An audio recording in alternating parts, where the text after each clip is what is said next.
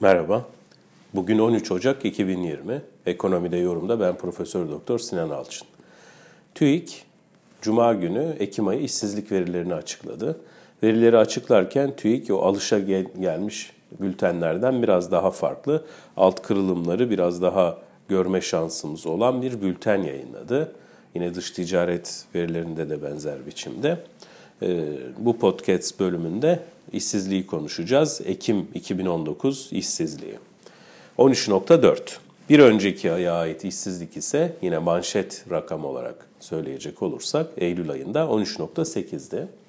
Mevsim etkisinden arındırılmış verilere baktığımızda ise burada bir önceki ayla yine karşılaştırıldığında işsizlik oranı 13.9'dan 13.6'ya gerilerken tarım dışı işsizlik oranı 16.2'den 15.9'a, genç nüfusta işsizlik ise 26 %26'dan 25.2'ye gerilemiş. Gördüğümüz gibi tüm kalemlerde aslında çok hafif bir gerileme var. Biz bunun emaresini nerede görmüştük? Ee, Ekim ayı e, sanayi üretim endeksinde. Orada aslında bir önceki ayda hızlı bir yükselişten sonra bir e, aylık bazda geri çekilme olmakla birlikte e, hafif bir kıpırdanma eğilimi bize gösteriyordu Ekim ayı sanayi üretim endeksi. Şimdi TÜİK'in alt kırılımlara girdiğinden bahsettim. Mesela e, işsizlik ve istihdam oranını grafik olarak vermiş. Burada çok net gözüküyor. Şöyle bir şey gözüküyor. Mesela istihdam oranı Eylül'den Ekim'e geçerken %46.1'den 45.9'a geriliyor ve işsizlikte manşet rakamda 13.8'den 13.4'e geriliyor. Yani neredeyse e, arada uyumlu bir azalış var. E nasıl oluyor bu? Yani istihdam oranı azalırken aynı oranda işsizlik oranı nasıl azalabilir diye düşündüğümüzde çünkü normalde istihdam oranı azalıyorsa işsizliğin artması gerekir. Nitekim bizim son iki yılda özellikle yaşadığımız işsizliğin temel nedeni aslında e, daha çok insanın iş arıyor olması değil, tam tersine e, istihdamın azalmış olması e, idi. Burada tabii dikkati çeken şöyle bir unsur var.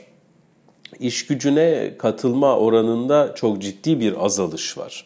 Yani mesela 2019 Ekim döneminde bir önceki yılın aynı dönemine göre yani 2018 Ekim ayına göre 82 bin kişi sadece artmış ve 32 milyon 740 bin kişi olmuş iş gücüne katılma e, sayısı. Oran olarak bu 0.7'lik bir azalışa tekabül ediyor. Yani yıllık bazda bu kadar bir azalış olmuş. İnsanlar artık iş gücüne daha az katılıyor gibi bir sonuç çıkar buradan.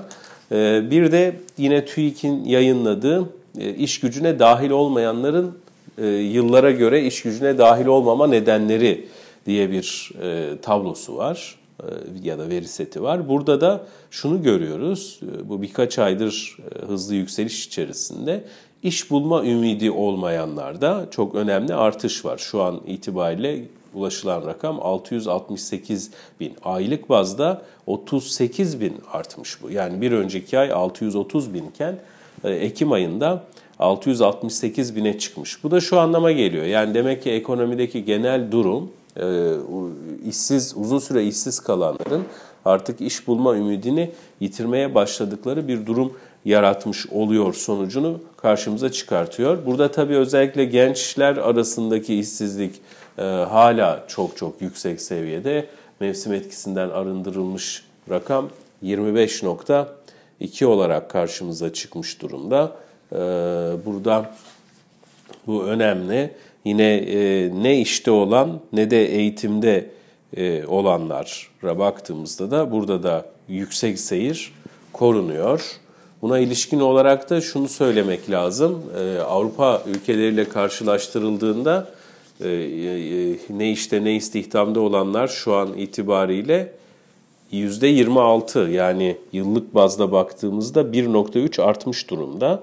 Avrupa ülkeleriyle karşılaştırıldığında burada daha çok tabii Batı Avrupa ülkelerinde e, bu tip durgunluk dönemlerinde genç nüfusun daha ziyade e, kurs ve e, eğitimlere yöneldiği, meslek okullarına doğru yöneldiğini görüyoruz ki hani işsiz kaldığım dönemde yeteneklerimi artırayım ve iş bulma olanağımı hatta daha iyi ücret ve çalışma koşullarıyla iş bulma olanağımı artırayım diye. Türkiye'de böyle bir eğilim yok maalesef.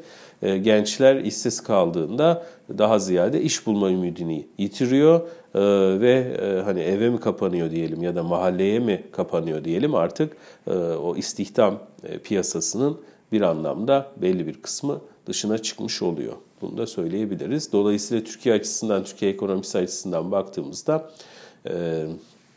e, esas çözülmesi gereken sorun burada genç işsizliği olarak karşımıza e, çıkar. İstihdamın sektörel dağılımına baktığımızda da tarım kesiminde dalgalı seyir sürüyor. E, burada mevsim etkilerinden arındırılmamış bir veri olarak düşündüğümüzde bir azalış var ciddi anlamda. Ama burada mevsim etkilerinden arındırarak normalize edildiğinde aslında tarım kesimi normal seyrinde seyrediyor diyebiliriz. İnşaattaki e, kayıp istihdam kaybı devam ediyor ama son e, ayda biraz orada bir şey var, e, hafif bir istihdam artışı görüyoruz. Yani yaklaşık 50 bin yeni istihdam olanağı ortaya çıkmış. Hizmet sektörü tabii hala hazırda istihdamda başat sektör ve orada da hafif bir yukarı doğru eğilim dikkat çekiyor. Bunu söyleyebiliriz. İşsizlik verilerine dair olarak. İyi günler.